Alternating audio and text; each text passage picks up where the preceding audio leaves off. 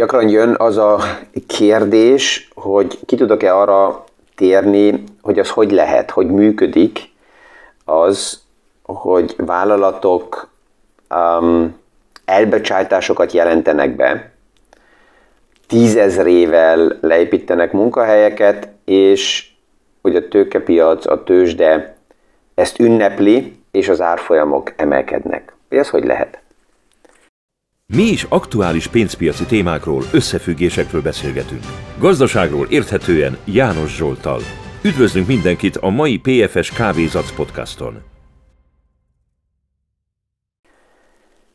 Erre a kérdésre ma kitérek, és másik eh, érdekes fogalom uh, került a kezembe, erre is kitérek, de azelőtt saját témába egy, egy gondolat még, ezt biztos, hogy a jövő hét végéig egy párszor még a podcastokba be fogom építeni,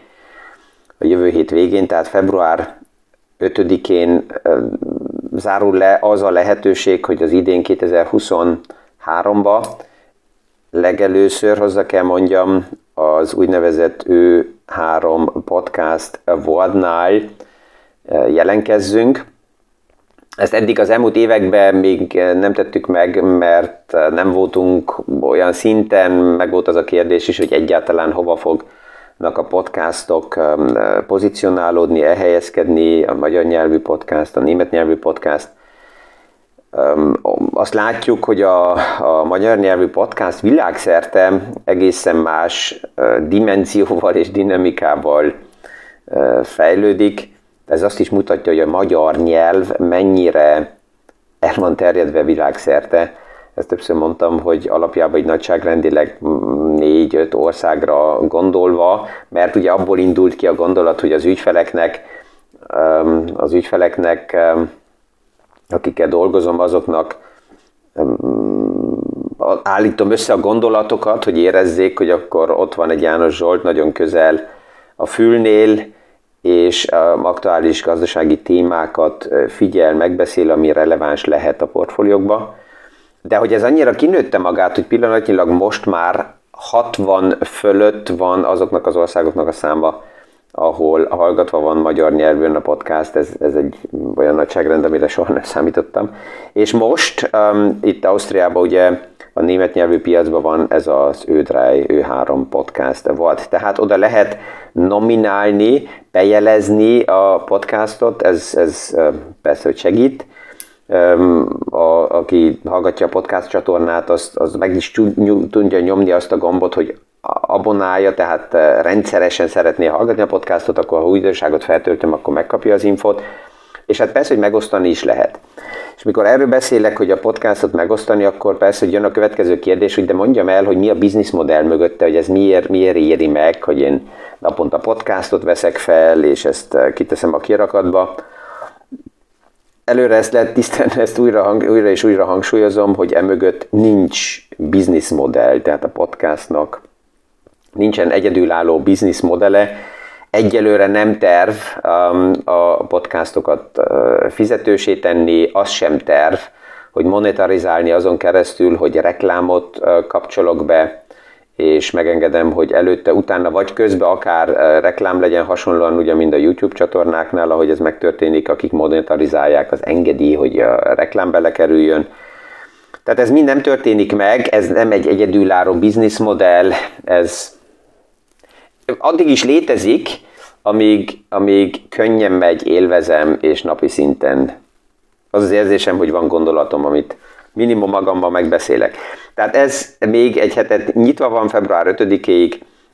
tehát ebbe még egy pár szó kitérek, hogy ez segít, és köszönöm, aki már a nominálás le is adta. A második téma pedig az az ablak, az az időablak, amelyiket évente ugye általában egyszer az év elején megnyitjuk, hogy pályázni lehet, önéletrajzot beküldeni lehet, és februárban fogjuk kiválogatni a pályázatokból, hogy ki az, aki esetleg érdekes, és pillanatnyilag a kapacitásunk, főleg a magyar nyelvű piacban is maximum két-három kollégának az integrálása, az onboardingja, a bevonása az év alatt és ezt jövő héten zárjuk le. Nagyon sok és jó pályázat és önéletrajz már megérkezett, ezt az ablakot ezért is a jövő hétvégén ugyanúgy zárni fogjuk. De akkor most vissza a kérdéshez, hogy mit, mi is történik a részvényeknél, hogy, hogy emelkednek akkor, amikor tömeges elbocsátások történnek. Sokan dörzselik a szemüket, mert nem értik azt, hogy például egy Elon Musk miért vásárol meg először egy Twittert 44 milliárd dollárért azért, hogy azután körülbelül 74%-át az alkalmazottaknak elbosátja. És itt feltevődik a kérdés, hogy oké, okay, hogy működjön egy vállalat emberek nélkül, és hogyha 74%-ot el lehet bocsájtani, akkor ott, ott mi volt azelőtt? És valójában a gazdasági normális hullámoknak ez egy, ez egy, egy kihatása, vagy egy, egy tulajdonsága, hogy amikor konjunktúrát támogató um, körülmények vannak, mint például olcsó pénz, likviditás pluszba a piachoz, a piacnak a központi bankok oldaláról, akkor főleg a növekedő vállalatok nem a hatékonyságba e, investálnak és nem arra figyelnek, hanem egyszerűen investálnak a növekedésbe, piacrészek megnyerésébe, és um, felépítenek kapacitásokat, majd, hogyha a piac fordul, és úgy, mint most drágább kezd lenni a likviditás, kivonódik a likviditás a piacból, tehát a pénznek újra ára van, akkor kell elkezdeni kezdeni a hatékonyságokat keresni. És ezt vagy a tulajdonosok időben megteszik, ha van a vállalatoknak belső értéke, vagy jönnek külső befektetők, akik általában pont ebből a szempontból nézik meg, hogy melyik vállalatnak van milyen belső értéke, és a túl magas költségekből mennyit lehetne leépíteni, hogy ezen keresztül az effektivitását, a hatékonyságát annak a bizniszmodellnek, hogy növeljük, költségeket csökkentve, mégis meg, tudja tartani, meg tudjuk tartani a forgalmat. Tehát ez az a balansjáték, ami a kihívás kérdése,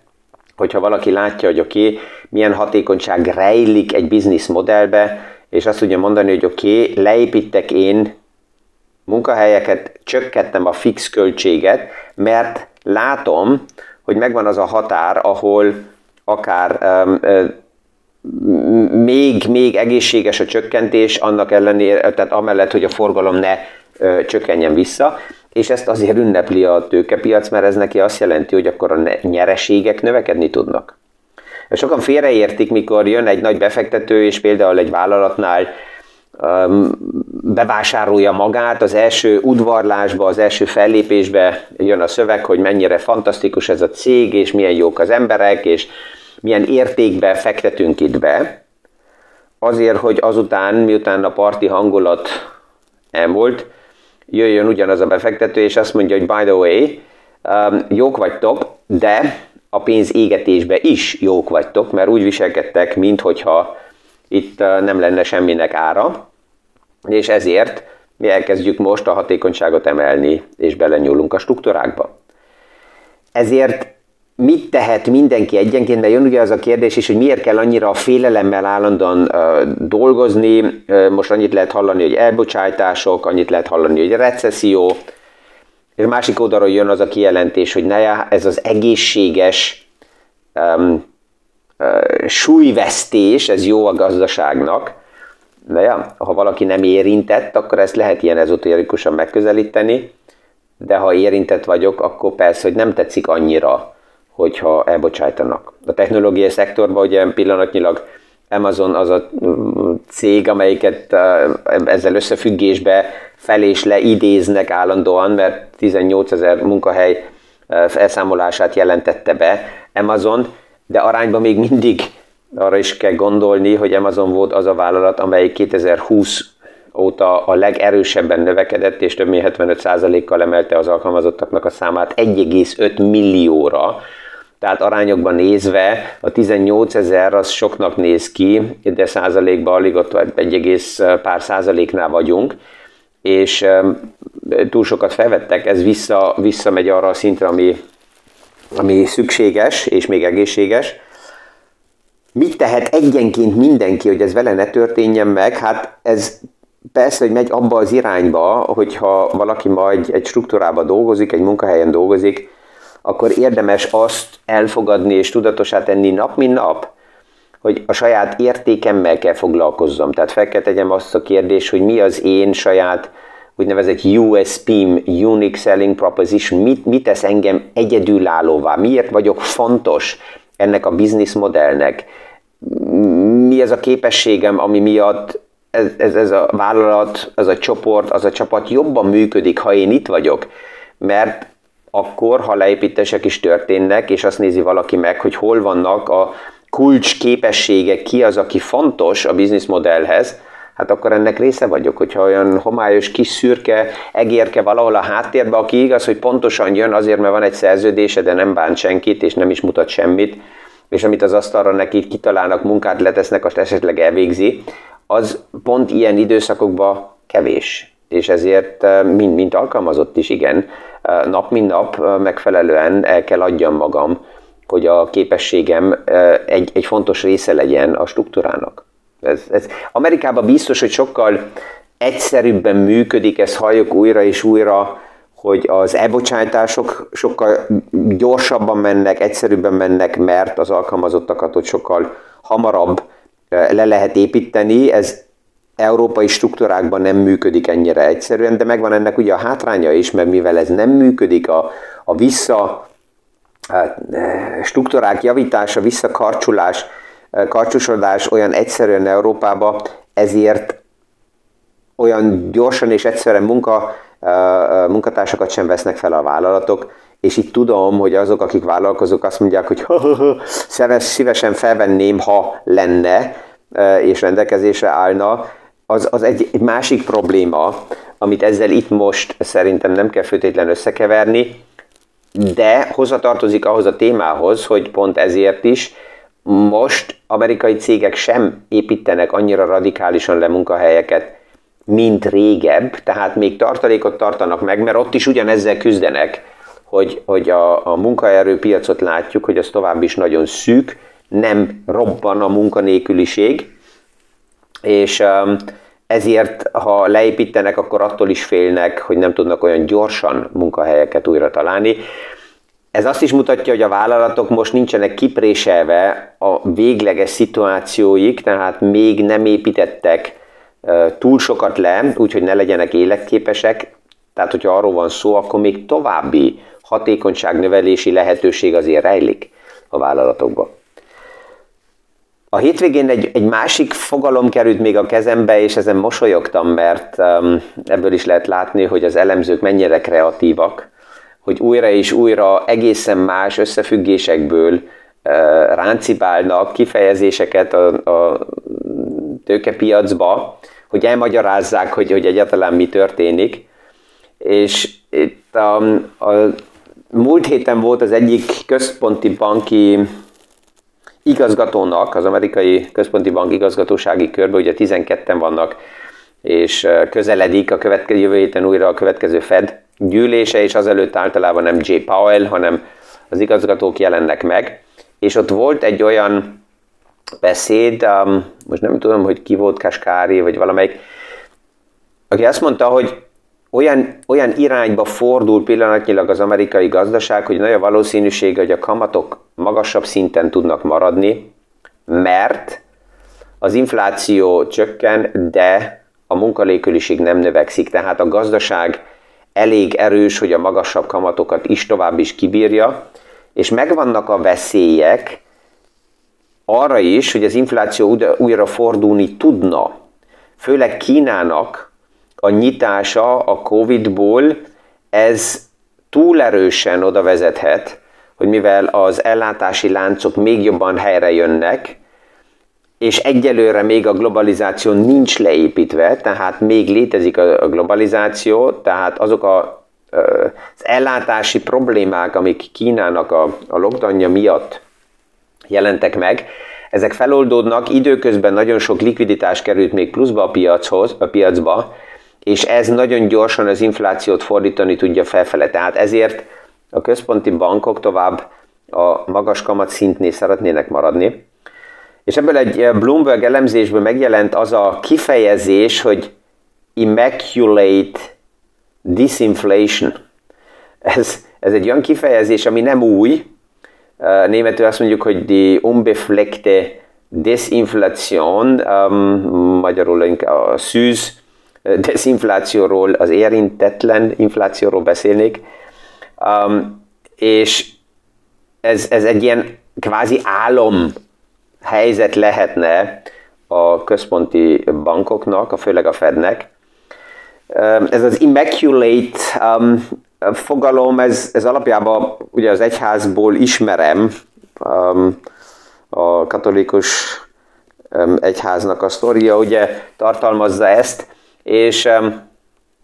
hogy ennek, ez, ez mit keres így a, a pénzvilágba, ha az infláció nagyon erősen és gyorsan visszacsökken, amit pillanatnyilag látunk,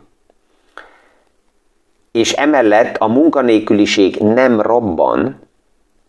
nem emelkedik, akkor ez azt jelzi, hogy a gazdaság egy sokkal erősebb állapotban van, a világgazdaság,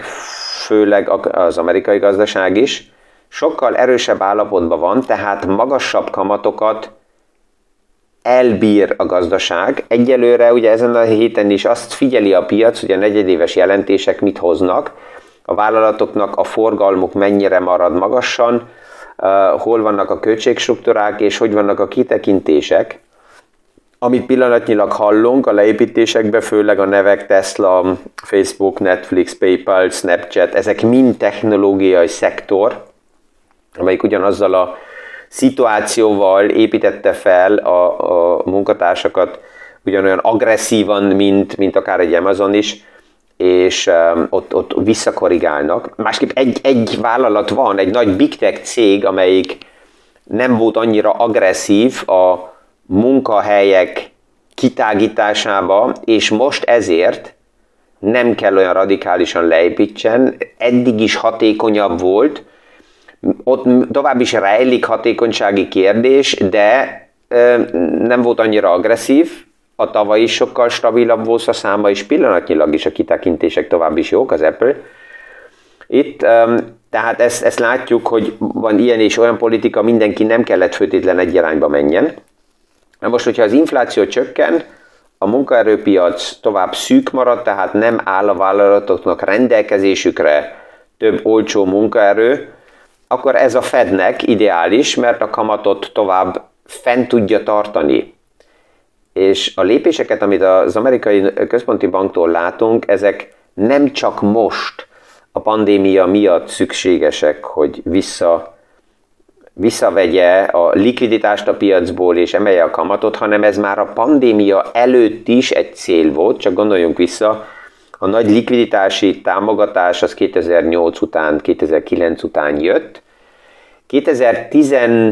2017-18-ban már a központi bankok elkezdtek azzal a gondolattal foglalkozni, hogy ideje kivonni a likviditást a piacokból.